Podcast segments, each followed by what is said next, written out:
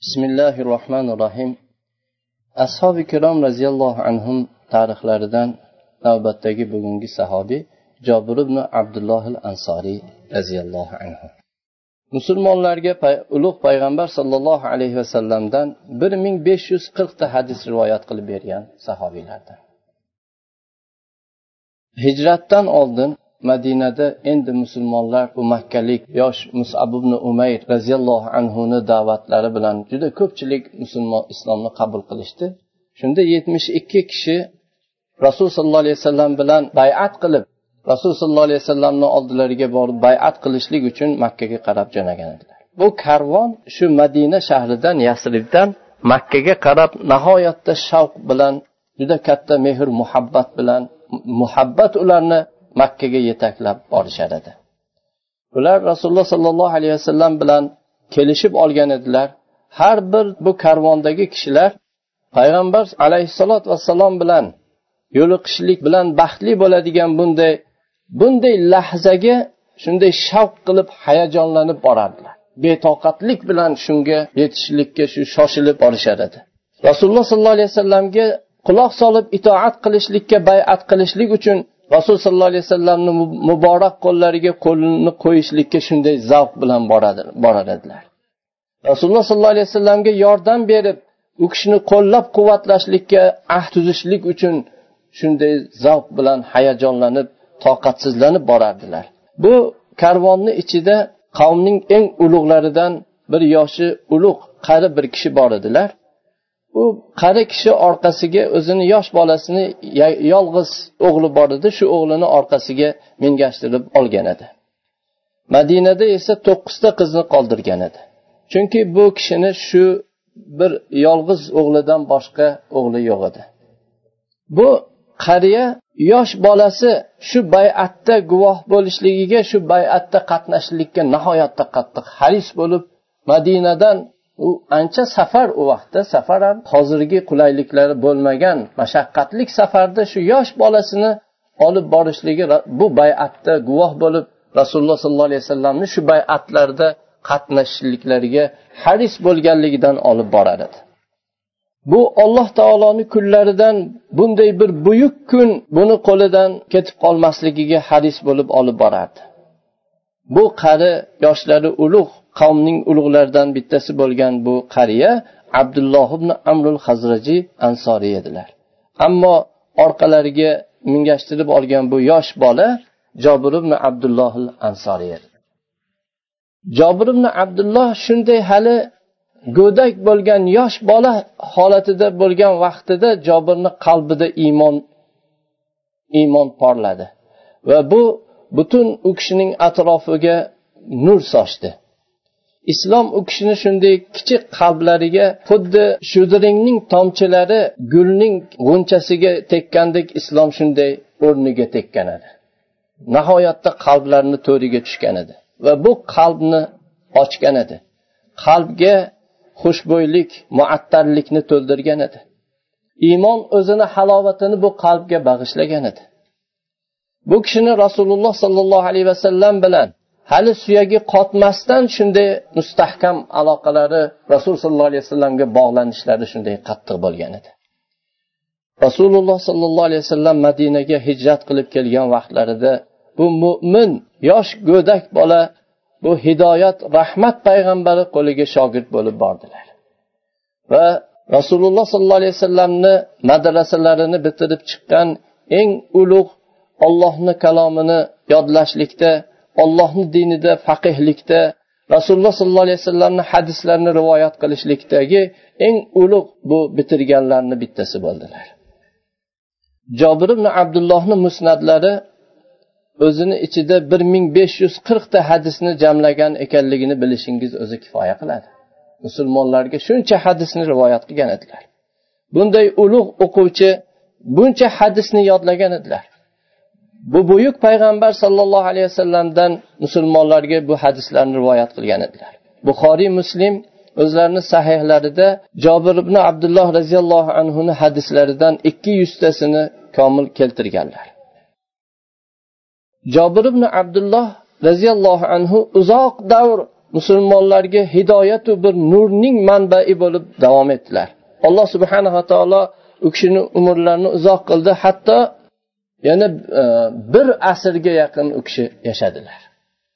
Ya'ni yosh bolaligida islomni qabul qilib to rasululloh sollallohu alayhi vasallamni vafotlarigacha keyin undan keyin to shu yuzga yaqin bugunlargacha u kishi e, mana shunday musulmonlarni ilmda fiqda ularni eng marjalari manbalari bo'lib davom etdilar yashadilar.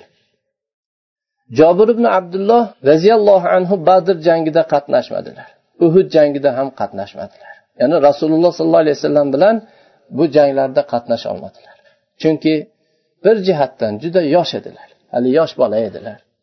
Boshqa tarafdan otalari abdulloh roziyallohu anhu o'g'illarini shu e, opalari bilan to'qqizta opalari bilan qolishlikni buyurardilar. Sen bular bilan qolasan men boraman deb jangga otalari ketardilar. Chunki bu jobir ibn abdullohdan boshqa bu qizlarni ishiga qaraydigan boshqa o'g'illari yo'q edi. Jobir roziyallohu anhu buni gapirib o'zlari rivoyat qilib aytadilarki uhuddan bir kecha ilgari edi otam meni chaqirdilar. Aytdilarki men rasululloh sollallohu alayhi vasallamni ashoblari bilan bu qatl qilinadiganlarni avvalida qatl qilingan bo'lishlikni xohlayman dedilar. Allohga qasamki men rasululloh sollallohu alayhi vasallamdan keyin sendan ko'ra menga azizroq bo'lgan biror kishini qoldirmayapman dedilar. Meni ustimda mana shuncha qarzim bor bu qarzlarni o'ta dedilar. Va opalaringga mehribon bo'l. Ularga doim yaxshi muomala yaxshi munosabatda bo'l deb vasiyat qildilar. Ertalab bo'luvdi otam uhudda o'ldirilganlarni shahid bo'lganlarni avvallarida shahid bo'ldi u kishi deydi otamni dafn qiluvdim. Rasululloh sollallohu alayhi vasallamni oldilariga bordim.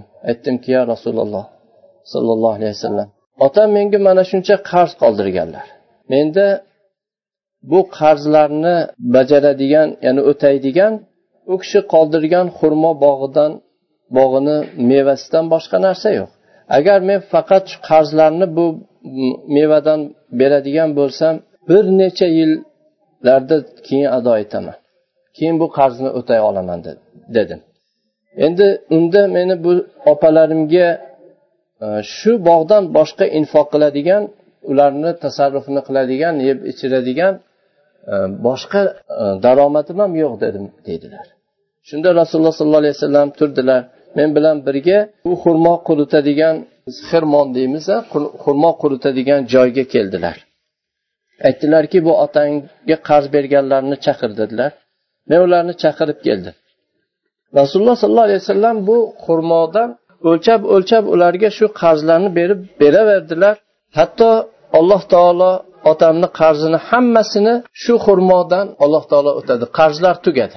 Rasululloh sollallohu alayhi vasallam o'lchab o'lchab hammasini haqqini berib berib qarzlar tugadi. Keyin men yana kelib xirmonga qarasam asli hech qo'l tegmaganday shunday holatda turar edi. Bir dona xurmo ham undan kamaymagandek shunday turar edi deydilar.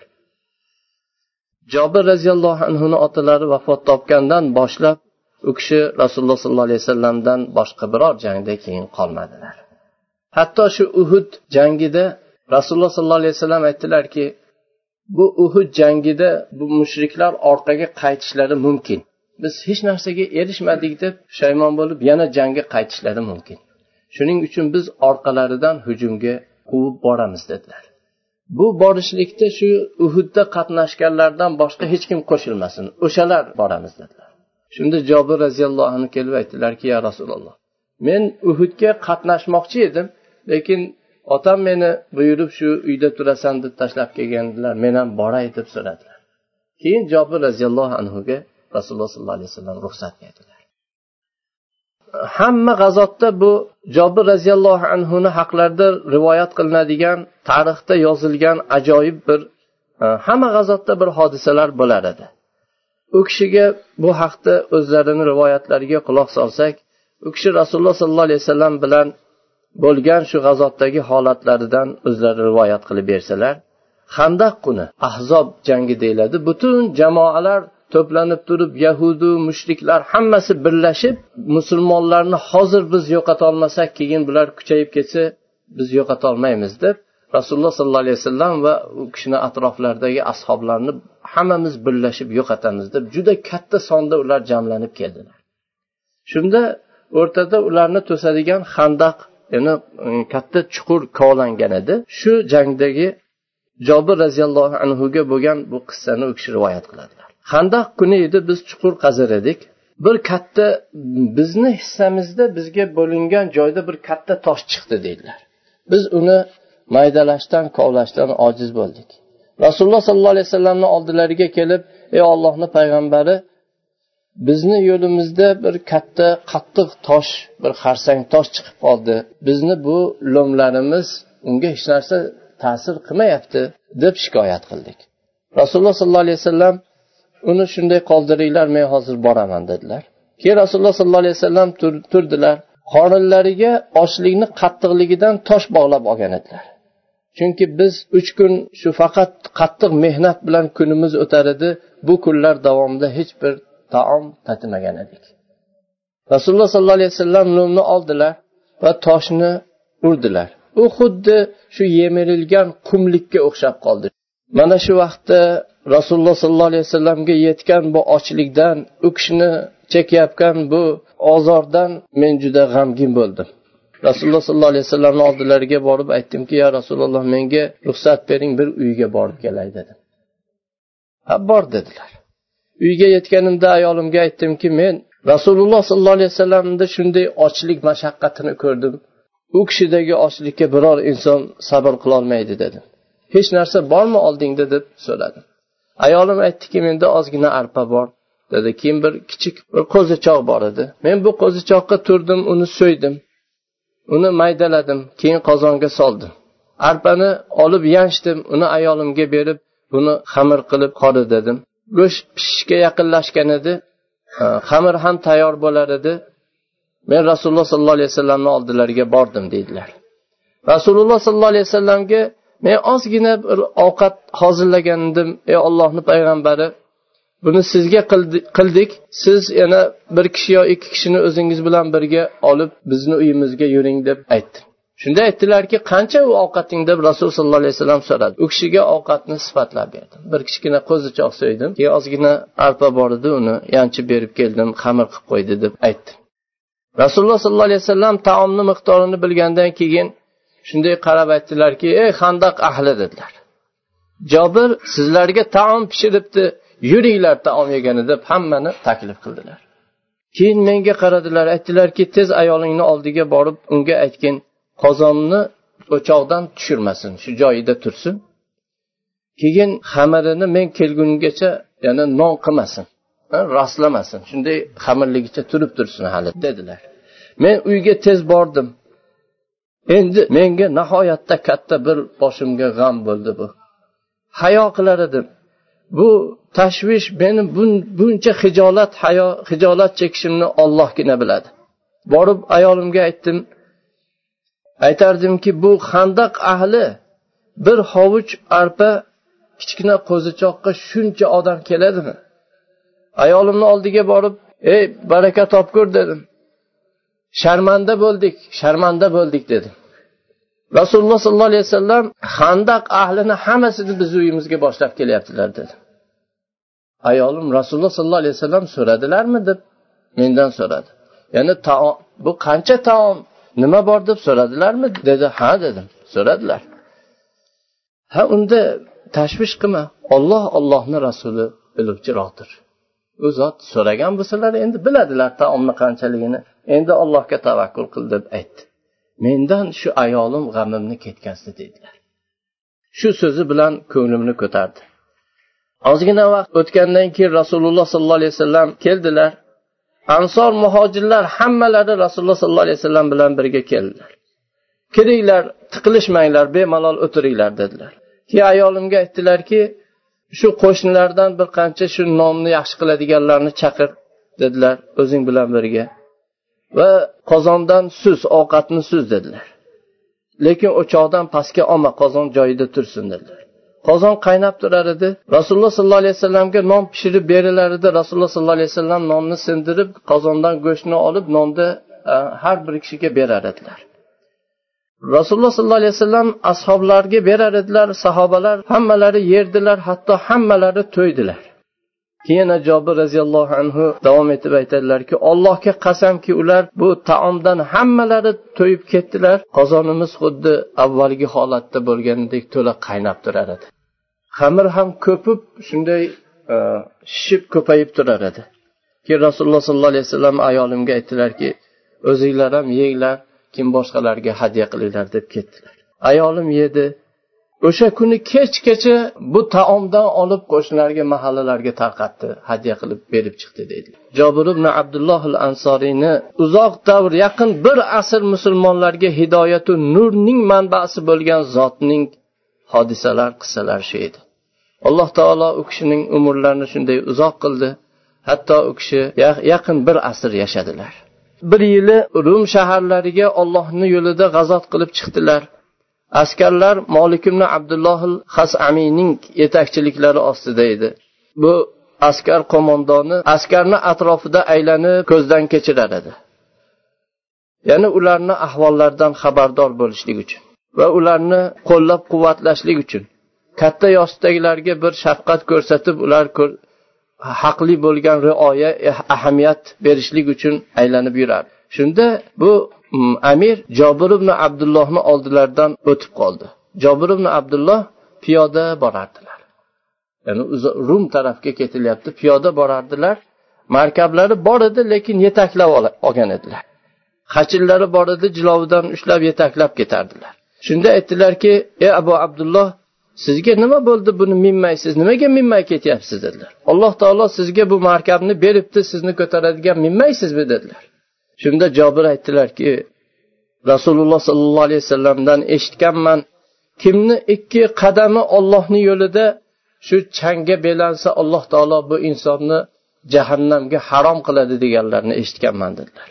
Molik bu gapni eshitdida bu amir tez yurib askarni oldiga chiqdi. Keyin jobir roziyallohu anhuga qaradi. Baland tovush bilan ey abu abdulloh dedi. Jobir roziyallohu anhuni chaqirdi oldiga chiqib olib turib. Nimaga siz bu xachiringizni minmay yetaklab ketyapsiz dedi. U sizni ixtiyoringizda olloh buni sizga beribdi bu ne'matni nimaga minmay yetaklab ketyapsiz dedi. Shunda jobir roziyallohu anhu bu molikni amirni qasdini bildilarda u kishi ham baland tovush bilan javob berdilar. Aytdilarki ya'ni bu kishi rasululloh sollallohu alayhi vasallamni bu hadislarini butun askarga eshittirib qo'yishlikni xohlab buni yana takror baland ovoz bilan so'radilar. Baland ovoz bilan jobir roziyallohu anhu javob berib aytdilarki men rasululloh sollallohu alayhi vasallamdan eshitganman. U zot aytardilarki kimni ikki qadami ollohni yo'lida shu chang bo'ladigan bo'lsa alloh taolo uni jahannamga harom qiladi deganlarini eshitganman dedilar. Musulmonlar odamlar hammalari bu markablaridan sakrab hammalari tushishdi.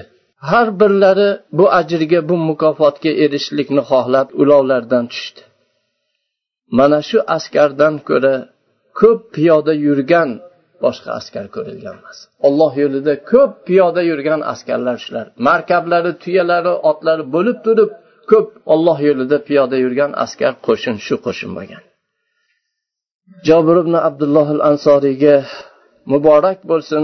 Rasululloh sollallohu alayhi vasallam bilan u kishi hali voyaga yetmagan balog'atga yetmagan yosh bola bo'lib turib bayat qilgan zot. U kishiga bu muborak bo'lsin. U kishi hali suyaklari qotmasdan rasululloh sollallohu alayhi vasallamni qo'llarida ta'lim oldilar. Rasululloh sollallohu alayhi vasallamni hadislarini rivoyat qildilar. Robiylar jobir roziyallohu anhudan naql qilib rivoyat qiladilar. Rasululloh sollallohu alayhi vasallam bilan birga u kishi yosh yigit bo'lib turib butun janglarda birga qatnashdilar.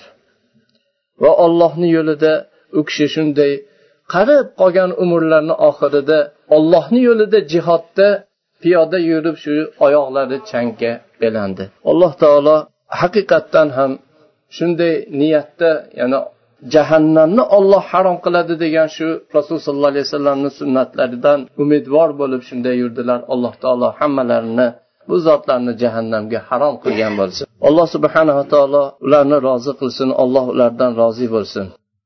ربنا اغفر لنا ولإخواننا الذين سبقونا بالإيمان ولا تجعل في قلوبنا غلا للذين آمنوا. ربنا, ربنا إنك رؤوف رحيم. اللهم صل على سيدنا محمد وعلى آله وأصحابه أجمعين. سبحانك اللهم بحمدك أشهد أن لا إله إلا أنت أستغفرك وأتوب إليك. السلام عليكم ورحمة الله وبركاته.